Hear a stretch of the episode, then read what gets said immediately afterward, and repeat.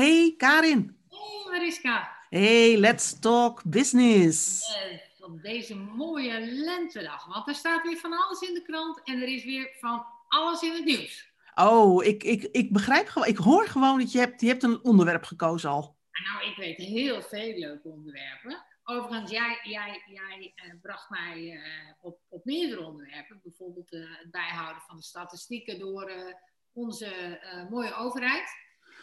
In het kader van de coronavaccinaties. Maar dat is een ander, ander ding. omdat jij hem al hebt gehad, hè, gaf je even aan dat jij de no-show bent op de, op de brief die op, jou, op jouw mat komt. Ja, dan, moet, dan moet, je, moet je even compleet zijn. Want wij, jij hebt een voorgesprek met mij gehad. En dat heeft natuurlijk degene die naar deze podcast luistert, heeft die voorinformatie niet. Nee, nou ja, ik, nee, ik heb op, op 31 maart mijn eerste vaccinatie gehad, omdat ik een medische uh, uh, aanleiding heb. Ja. Uh, en mijn huisarts belde van, nou, ik ben mensen met een medische onderbouwing, mag ik vaccineren? Ja. heb je daar zin in en heb je volgende week tijd? Nou, Ja. dat, A, had er zin in. B, ik maakte daar tijd voor. Dus ik heb op 31 maart mijn eerste in- vaccinatie gehad. Ja. En ik heb een keurig briefje mee gehad. Dus alles is geregistreerd bij de huisarts. En ik heb een keurig briefje mee gehad dat ik mijn eerste prik heb gehad. En tot mijn grote verbijstering, en ik had het al van, een, van iemand bij ons in de wijk gehoord die een soortgelijk eh, verhaal heeft. Maar vanochtend plofte de eh, uitnodiging van de, van de GGD op de, op de mat. Dat eh, ja, mijn jaargang wordt opgeroepen om gevaccineerd te worden. Ja, daar ga ik natuurlijk niet naartoe, want ik heb al een vaccinatie gehad en ik ben in afwachting van mijn tweede prik. Ja. Ehm, en dat betekent dat ik in de boeken ga als een no-show, een, een vaccinatieweigeraar. Nou, A, A, ik ben geen vaccinatieweigeraar. En ik, wat dat betreft eh, steekt het me wel iets als ik eh, als wappie eh, zeg maar de burelen inga. Maar het tweede is, en dat, is, dat vind ik zorgelijker, dat wij dus als we praten over de vaccinatiegraad in Nederland, eigenlijk werken met, en dat weet ik nu gewoon, met gegevens die dus niet kloppen. Nee. En dat Dat- vind ik angstiger. Ja, en datzelfde, dat vindt natuurlijk plaats door die oproepen van het RIVM, hè, die ook dagelijks via de NOS tot ons komen. Waarin eh, zeg maar bepaalde jaartallen worden opgeroepen om voor, eh, voorafgaand aan de brief, hè, die ook nog gaat komen en waar jij aan refereert, je te melden, online een afspraak te maken. En op het moment dat je daar verschijnt, hè, komt alsnog de brief op een later moment waarmee je een afspraak eh, voor een vaccinatie eh, eh, krijgt. Ja. Maar ja, als je online die afspraak al hebt gemaakt en ondertussen je vaccinatie al hebt gehad, ga je natuurlijk niet nog een keer op die brief reageren. Nee, En ik denk dat al die mensen ook als no-show worden geregistreerd. ik ben bang van wel. Maar goed, nou hebben we het onderwerp ook behandeld. Hè? Nou hebben we het onderwerp ook gedeeld. En we gaan het niet hebben over de consequenties van, want volgens mij heb jij een ander onderwerp. Ik, want ik zie het gewoon aan je. Ik heb nog een ander onderwerp, hè? hoe je veel geld kan verdienen aan eh, mondkapjes. Maar dat ook. eh, eh, ja, Nou, die kans, grappig, maar niet zo leuk. die kans is overigens ook al een beetje geweest. Hè? Ik bedoel, laten we even wel zijn. Ja, natuurlijk. Dus dan gaan we wat meer naar de actualiteit. Ik las vanmorgen, en ik ben de naam even kwijt, maar ik las vanmorgen in het Financieel Dagblad een leuk artikel over eh, drie Nederlandse ondernemers die webshops kopen van bol.com en van Amazon. En ik dacht, dat is nou eens interessant om eens even met jou over te hebben, omdat zij aangaven, ja, hier zit een heel leuk businessmodel in. En ze Ja? in Amerika, en daarvan van ik, ben ik de naam kwijt, die dit eh, kennelijk al een tijdje doet. Eh, en daar eh, echt flink op, op kerst. Die bedrijven die ze kopen, hè, dus weten te laten groeien en tot grote hoogte te brengen. En, en daar zelf ja, erg veel geld aan te verdienen. Ja, volgens mij zijn het geen, geen webshops van, van Bol of van Amazon. Nee, het zijn Maar- niet, maar ze, ze zitten op het platform. Hè? Ja, ja oké. Ja, Ze zijn van Bol en van Amazon, maar hè, wij weten Bol en Amazon, dat zijn platformorganisaties. Het zijn, denk ik, zelfstandige ondernemers.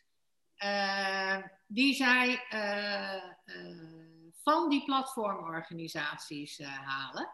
En die zij kopen van de desbetreffende zelfstandige eigenaar van die webshop. Ja, ik, ik, is dat wat ze doen? Halen ze ze dan van, van de platforms van uh, Bol en uh, ja, ik zou ook, ja, ik zou ook uitleggen waarom. Kijk, een platformorganisatie hoef ik jou niet te vertellen. Hè? Een platformorganisatie die faciliteert in een platform waarin ze heel veel aanbieders uh, in contact brengt met vragen. Het spel tussen uh, degene die een, een, een, een webshop hebben, uh, om die op je platform neer te zetten en daar hun producten en diensten aan te bieden aan de klandizie die ze bijvoorbeeld bij Van Bol hè, in Nederland vinden. Ja.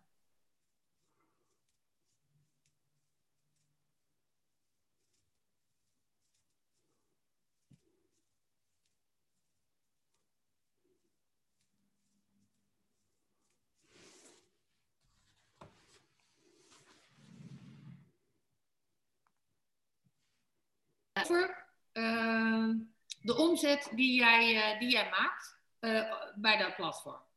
Ja. Nou, zoals ik het me voorstel.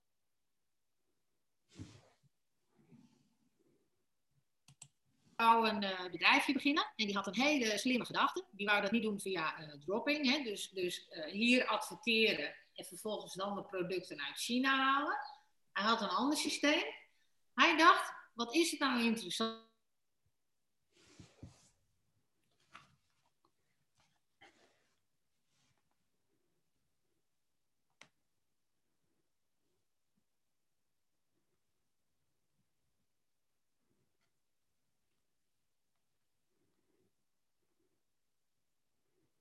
Maar over de omzet die hij draait, moet hij 15% provisie afdragen. Ja. Job heeft maar een klein bedrijfje. Het was bedoeld om eens uh, wat te stoeien met ondernemers.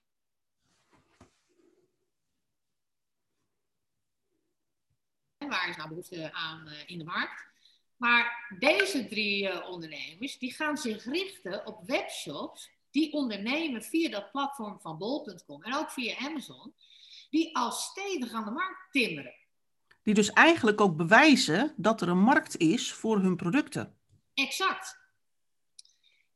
En uh, het voordeel voor de ondernemers is dat zij uh, zeg maar groeikapitaal krijgen, hè, waarbij ze in staat worden gesteld hè, met meer werkkapitaal, meer in te kopen, daar meer omzet uh, te genereren. Plus dat er naar mijn idee, ze van de platform van Bol worden afgehaald, dat ze sowieso al 15% commissie scheelt. Ja. Daarentegen moeten ze dan wel weer investeren, bijvoorbeeld in, eh, in Google en in social media adverteren, om hun doelgroep zelfstandig te bereiken. Ja, want dat is wat Amazon en wat uh, Bol.com zegt. Hè? Uh, die 15% commissie, die, uh, ja, die, die, die die staat heel goed in verhouding tot de Google-advertenties die je anders zou moeten betalen. Hè? Om, om consumenten je, je business te laten vinden. Ja, ik moet zeggen, je, je weet, hè, ik ben een groot afnemer bij, uh, bij Bol. Ja. Dus, uh, ik mijn favoriete winkel. Ja. Uh, en dat ik natuurlijk via Bol regelmatig spullen koop bij andere partijen.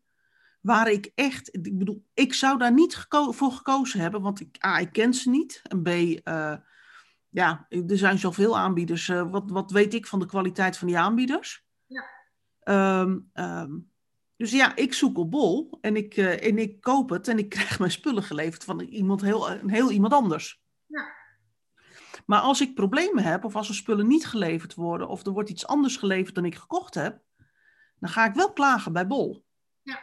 Dus het, dus het is ook een vorm van kwaliteitskeurmerk. Ja, dat is het ook. Zeker, dat is het ook. En het is, uh, en het, en het, ja, dat, dat is het aan de, aan de, aan de consumentenkant. Hè? Dus uh, garantie dat je ook uh, krijgt datgene wat je krijgt, wat je, wat je geleverd wil. Ik weet overigens niet dat op het moment dat je niet geleverd krijgt, op wie je dan verhaal hebt. Volgens mij heb je dan geen verhaal op bol. Namelijk. Nou ja, ik moet eerlijk zeggen, kijk, we hebben het wel vaker over bol.com gehad. En, en, en ze hun hun groeistrategie is eigenlijk een kopie van wat Amazon doet. Ja. Uh, en ik, uh, uh, omdat mijn man natuurlijk heel lang in, in Engeland gewoond heeft, hebben wij ook royale ervaring met Amazon.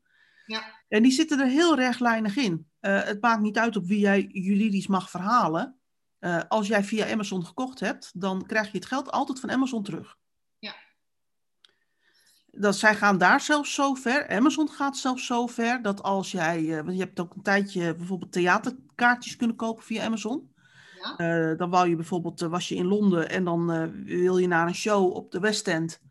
En dan koop je via Amazon kaartjes en dan besluit je s'avonds dat het diner toch wel heel gezellig is.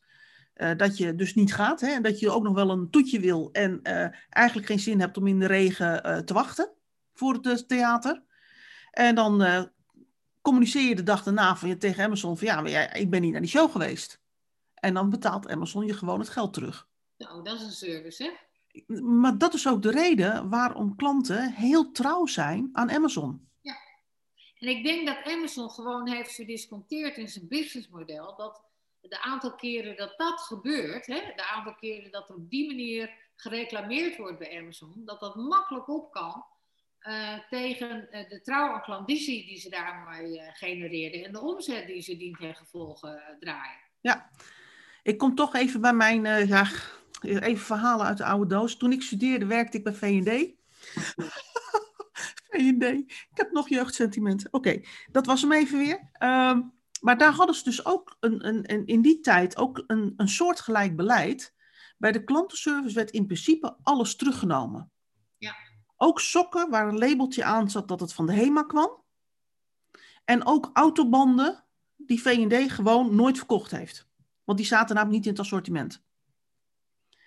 En dat was uit- vanuit hetzelfde principe. Als een klant aan ons denkt, omdat hij denkt dat hij zijn spullen hier heeft gekocht, dan willen wij top of mind blijven en nemen wij het dus terug. En uh, we doen ermee wat we mee- ermee moeten doen. Uh, uh, maar wij nemen het terug om die klant zoveel mogelijk te servicen en in de mindset op de eerste plek te blijven staan. Zo, dat is wel goed zeg. Dat hebben ze later, zeg maar, zijn ze dat verlaten, want ja, dat, dat, dat brengt wel kosten met zich mee. En op het moment dat het moeilijk gaat in een organisatie, dan ga je aan, kijken aan alle kosten waar je erin kunt snijden. Ja. En dan lijkt het ergens heel logisch om in dit soort kosten te snijden. Ja. Maar in de totale retourenstroom waren dit de afrondingsfoutjes, Ja. waar je wel heel veel goodwill mee creëert. Ja. Dus het verlaten van zo'n beleid, ja, dat, dat, dat kost best klanten. Ja, en aan de andere kant, hè, als, ik, uh, als ik als koper dus weet dat als ik bij Bol koop, dat ik uh, deze service krijg, of als ik bij Amazon koop, dat ik deze service krijg, is de vraag of ik diezelfde goederen wel zou kopen bij de webshop die, die het uiteindelijk levert, ja. als die weer van het platform van Bol af is, of van het platform van Amazon af is. Ja. Dus ik, zit, ik zie er ook wel een, um, um, een risico in voor mij als klant. Hè? Vanuit een investeren snap ik het overigens hoor, deze beweging. Ja, nou waar ik het, waar ik het eerst eens met je over wil hebben is. Uh, ja, want je begint al vanuit de investeerderkant snap je. Jij snapt wat deze ondernemers doen en waarom ze dit doen. Ja, want dit zijn, dit zijn webshops. Kijk, we gaan natuurlijk met elkaar steeds meer online winkelen. Ja. En, en, door corona is dat proces enorm versneld. Hè? Want de, de, winkels zijn natuurlijk een hele tijd dicht geweest. Ja. En, we, en we, we, konden niet op vakantie en we gaven minder geld uit aan, uh, aan benzine en diesel. Uh, dus, de, dus het geld brandt op onze bankrekeningen.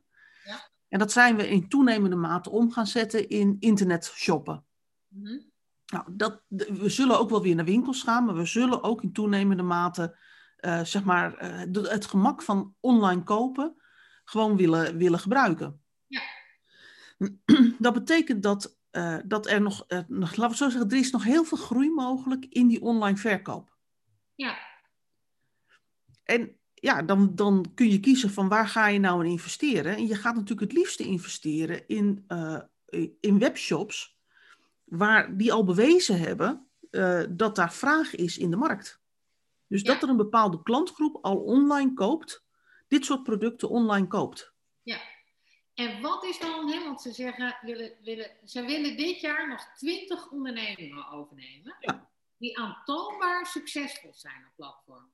Ja, En wat zou dan volgens jou de criteria van succes zijn die deze ondernemers eh, eh, onder, zeg maar, de, de, beslissing leggen, kopen ja of nee? Nou, ik weet niet welke, welke, welke criteria deze investeerders hanteren. Ik weet wel waar ik naar zou kijken. Nou ja, dat, dat vraag ik eigenlijk. Waar zou jij naar kijken?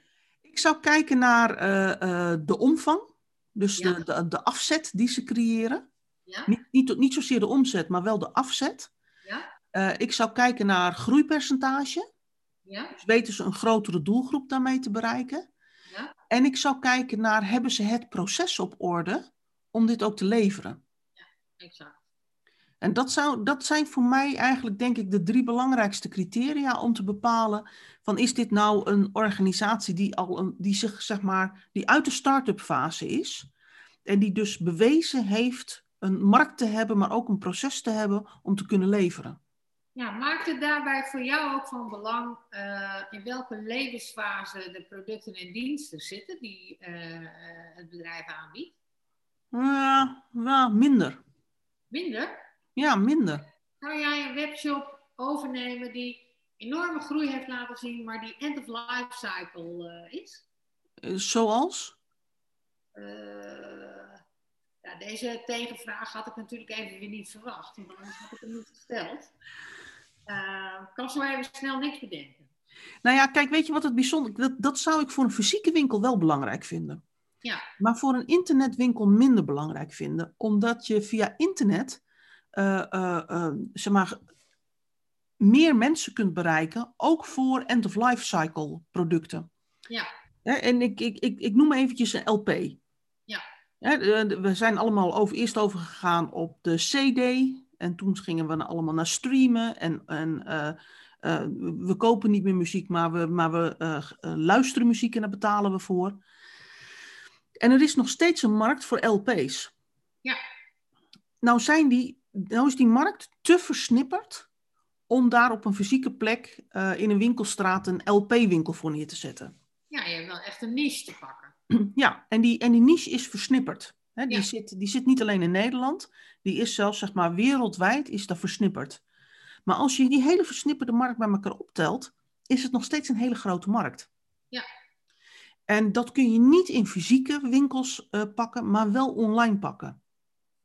Omdat je van een, van een uh, hè, op het moment dat jij toegang hebt uh, tot LP's, en die kun jij weer verhandelen, ja. dan kun je de webshop die eraan hangt heel makkelijk in verschillende taalgebieden aanbieden. Hè, hetzelfde is, uh, ik noem maar eventjes, je hebt een reparatiewinkel voor een bepaald antiek soort horloge. Daar zijn er misschien 25 van in Nederland. Nou, als die elk jaar allemaal stuk zouden gaan, heb je nog steeds geen handel. Nee. Maar als je die service wereldwijd kunt aanbieden, en in elk gebiedje in de omvang van Nederland zijn per jaar 25 van dit soort reparaties, en die kun jij naar je toe trekken, kun je daar een hele rendabele business op, op creëren. Dus, dus dat end-of-life cycle denken is voor fysieke winkels wel heel belangrijk, maar voor digitale winkels, voor internetwinkels, zijn, is dat gewoon minder belangrijk. Ja, maar zij willen met name uh, organisaties, want niet alleen zeg maar de verhandeling is van producten, maar waar, waar ook een, een, een, een productieproces achter zit. Ja. En ze zijn dus eigenlijk op zoek naar webshops die in staat zijn om marktleider in hun productcategorie uh, te worden. Waarbij uh, ze, ze met name zitten op uh, nou, keuken, huisdieren, sport, gezondheid, gereedschappen, cosmetica. dus niet op producten die vaak teruggestuurd of gerepareerd moeten worden.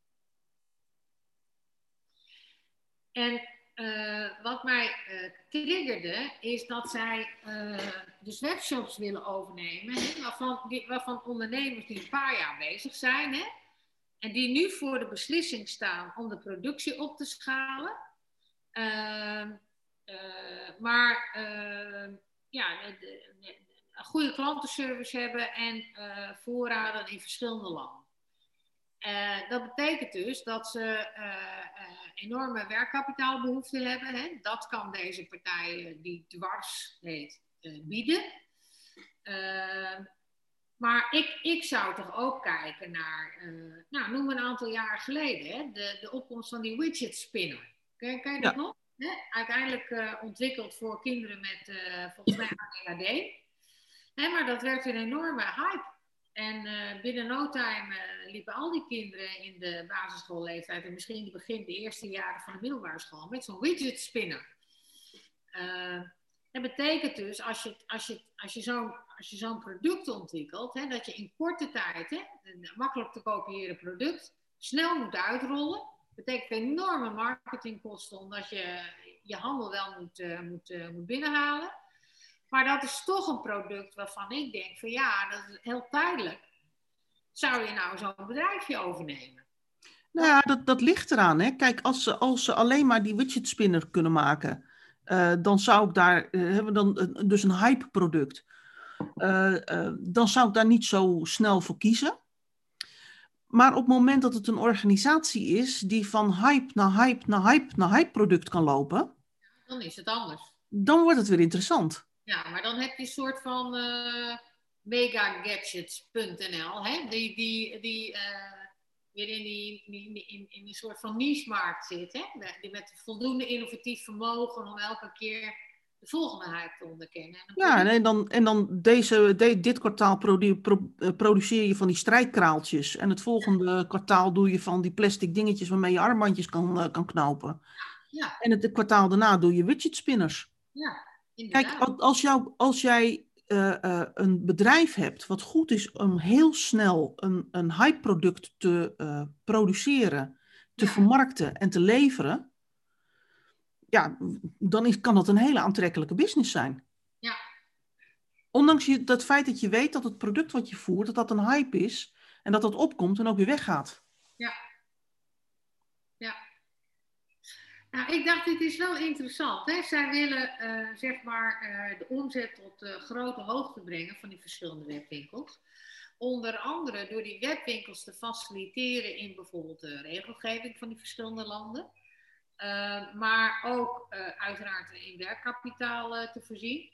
Maar ook voeren ze verbeteringen aan het product en, en zorgen voor reservefabrikanten. Hè? Dus, dus, dus voorzien in een zekere mate van risicospreiding, om het zo maar te zeggen. Zeker, zeker nu met corona is gebleken dat dat geen overbodige luxe is. Nee, absoluut niet. En, en, zeggen, en zeggen ook 10 tot 20 procent op de inkoopprijs te kunnen besparen. Door gewoon beter te plannen en door volumes hè, inkoopkortingen te kunnen bewerkstelligen. Ja. Dus het is ja, voor die ondernemers aan de ene kant een, uh, een hele uh, interessante manier om hun uh, bedrijf te laten groeien. en ik kan me voorstellen dat daar wel een hele interessante interessant businessmodel uh, achter kan zitten. Had jij wel eens van dat Amerikaanse bedrijf uh, gehoord? Dat, nee. nee. Trasio heet het? Nee, had ik nog nooit van gehoord. Nee, ik ook niet. Maar op zich, hè, kijk, als je nou gewoon geld bent, je bent investeerder, is dit, is dit hè, je kunt zeggen van ik investeer in start-ups, maar dat is, dat, dat is hoog risico investeren. Ja. Hè, want er is een, een hele grote kans dat zo'n start-up niet, zeg maar, een markt kan vinden. Uh, of niet een, een, een, product kan leveren wat, uh, wat bestaansrecht creëert. Nee. Uh, of wel een product heeft, maar zijn markt niet kan vinden. Nee. Terwijl dit gaat natuurlijk over organisaties die in principe hebben laten zien dat ze een product kunnen maken. Ja. En dat er een markt is die dit product wil kopen. Ja. Dus je sluit een heel groot deel van het risico van de start-up sluit je weg. En als je dan geld investeert om te zeggen van, jongen, luister, we halen je van zo'n platform af. En, uh, maar we gaan je helpen. Uh, en ook, hè, want het, ik neem aan dat ze ook gewoon uh, aan kennisdeling doen. Hè? Ja, ja, ja, ja zeker. Dat, dat lijkt me ook de opzet. De enige vraag die ik heb is, je zult toch ook weer een soort van platform moeten hebben? Ja, maar dat is meer een platform aan de achterkant. En niet een platform waar eindklanten terechtkomen dan. Nee. Je krijgt meer een soort kennisplatform of een ontwikkelplatform waar de aangesloten webwinkels, denk ik dan, hè? Ik bedoel, ik, dat, ik heb geen idee, hè? maar dat, zo kan ik het me voorstellen. Ik fantaseren even voor het lieve vaderland weg, hoe dit ja, dan precies. zou kunnen zitten. Maar als ik dat zou doen, dan zou ik, dan zou ik voor, die, uh, voor die winkels, zou ik, uh, waar, ik, waar ik in investeer, zou ik een soort kennis- en vraagplatform neerzetten. Waar je altijd terecht kunt voor vragen, waar je kunt met, uh, terecht kunt met je investeringsvoorstellen, uh, waar uh, training en webshops worden gegeven over hoe vermarkt je nou, hoe ga je nou Google Ads inzetten, maar ook gewoon waar je mensen kunt inhuren die verstand hebben van dit soort verschillende facetten. Ja. En, en, dat je ook van, nou ja, ik bedoel, wij, wij halen onze klanten ook voornamelijk vanuit de, vanuit de digitale wereld. Ja. Uh, en we hebben zelf ook geen verstand ervan. Hè? Wij zetten daar mensen op voor in. Ja. Nou, ik kan me voorstellen dat zo'n, dat zo'n investeerder ook uh, een, een netwerk creëert van specialisten die dit soort internetwinkels kunnen ondersteunen en helpen bij het zelfstandig vinden van, zo'n, uh, van, van hun doelgroep. Ja, of dat, of dat ze afhankelijk van de schaal, maar de, dat in huis organiseren. Hè? Dus, ja. dus zeg maar een soort ja, faciliterend bedrijf voor alle dochters die, uh, die aangekocht worden. Ja. En die uh, geholpen worden met regelgeving, juridische zaken, wetgeving, uh, inkopen, noem maar op. Ja. Ja, en als je dan verder formuleert, hè, want ik denk dat dat een hele belangrijke analyse is, dat, je, dat, dat deze mannen op zoek zijn naar bedrijven die eigenlijk al gearriveerd zijn, maar die aanlopen tegen de grenzen van hun groei. Hè? Werkkapitaal, maar ook de grenzen in werkkapitaal, maar ook in kennis en in regelgeving kennis. Ja, ik, ik, zou het ook, ik zou het dus ook niet hebben over bedrijven die gearriveerd zijn. Maar bedrijven die, die eh, bewezen hebben dat er markt is en dat zij een markt kunnen bedienen. Ja, en ze zitten misschien in de scale-up fase. Ja, precies. maar het zit in de scale-up fase. Ja, precies. Ja, maar, maar als je dat doorredeneert, hè, en het zou een trend zijn dat die uh, Trazio of uh, een Dwarfs, hè, dan hier in Nederland, hè, dit soort bedrijven die in de scale-up fase zit, eigenlijk uh, overneemt, van het platform haalt, worden, worden de bol.coms en de Amazons dan van deze wereld uiteindelijk dan platformen die zich bezighouden met het faciliteren van start-ups? Nee, dat geloof ik niet. Ik, ik, ik denk namelijk nog steeds dat er een, dat er een groot deel van, uh, van, uh, van kopend Nederland of het kopend publiek wereldwijd uh, het gemak wil van één leverancier waar je gewoon kunt surfen en kunt snuffelen. en ik denk dat, dat, dat het succes van Amazon en bijvoorbeeld een Alibaba, dat zit daarin. En ja. ik, ik, ik denk niet dat iedereen naar specialty shops wil. Ja, want dat is een beetje de, de afweging. Hè? Je gaat of naar een grote leverancier, het, het warenhuis van, eh, van alles. Ja. Uh, en dan kom je bij Amazon of in Nederland bij Bol of internationaal bij Alibaba terecht. Ja. Um, of, je ga, of je bent een liefhebber van specialty shops. Ja. En ik, ik denk dat, uh, en die vind je natuurlijk voor een deel weer via Google, hè, wat weer een soort van warenhuis van van alles is. Ja. Um, maar ik, ik geloof niet dat dat, uh, dat, dat, zeg maar, dat, dat ware huis van van alles, dat de bol.coms, zeg maar, dat, dat ze alleen maar start-ups zijn. Nee, ik denk ook gevestigde bedrijven daar blijven. Okay. Juist omdat er gewoon heel veel klanten doorheen gaan. Ja. Nou ja, ik dacht, ik dacht, ik gooi deze afslag er toch even in. Omdat ik denk, nou, dat zou toch wel een hele, hele bijzondere zijn. Hè? Als dat het gevolg zou zijn. En als meer uh, meer investeren. Want er is veel geld in de wereld. Jij gaat het zelf al aan. Er is veel geld in de wereld. Hè. Deze mannen hebben zelf, uh, denk ik, wel wat geld. Maar hebben met name ook uh, durfkapitalisten of ja, durfkapitalisten bereid gevonden om geld ter beschikking te stellen. Ja. Nou, dus, juist wat je in de scale fase nodig bent. Betekent dus ook dat die durfkapitalisten wel vertrouwen hebben in de expertise van mannen. Uh, dat die in staat en bereid zijn om de kroonjuweeltjes eruit te pikken. Hè? Ja. En als je dan doorredeneert, dan denk je van ja, god, dat zou toch wat zijn, hè? Dat de alomgeliefde bol.com, hè? door jou zo omarmd en bejubeld en uh, voorgesteld als alternatief voor de Belastingdienst om uh, onze gelden te innen. Ja. Ook, ook andersoortige blauwe enveloppen en pakjes. Ja, gedegradeerd wordt tot uh, start-up platformen, waar jongetjes al in Job van 15 jaar hun uh, eerste stappen op het ondernemerschap zetten. Ja, nee, en daar, daar geloof ik niet in. Ik denk dat, dat uh, gevestigde merken ook gewoon via bol.com en Amazon en Alibaba blijven leveren. Omdat daar gewoon heel laagdrempelig heel veel mensen per dag op dat platform komen. Ja. En snuffelen. En uh, nou ja, ik roep het maar even. Je, je komt voor een messenslijper en je bestelt bij je messenslijper meteen je nieuwe washandjes. Ja. Om maar eens even een dwarsweg te noemen. Ja. En dat zul je nooit bereiken bij een specialty shop. En mensen vinden het gewoon leuk om uh, te snuffelen en door te kijken. Oh, nu ik hier toch ben, laten we nog even kijken dat. Nou ja, dat. Ja. Meer kopen.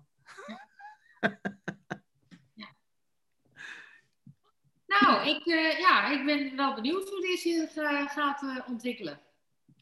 Weer iets voor op het lijstje om te gaan volgen? Ja, nou. vind ik wel. Ik vind dit echt wel een, een, ja, toch een leuke, een, ja, nieuwe, in ieder geval voor Nederland een nieuwe ontwikkeling. Ja. Een nieuwe bedrijfskundige ontwikkeling met een toch een ander ook businessmodel dan wat we gewend zijn, zeg maar, traditioneel. Ja. En van daaruit interessant om, ja, om toch om te volgen. Ja, absoluut. Gaan we doen. Uh, we volgen Bol en Amazon sowieso al, hè? Ja, ja, ja. Dus dat, uh, wat dat betreft uh, staat het altijd al in onze belangstelling. Want het is gewoon interessant wat daar gebeurt. Ja, absoluut.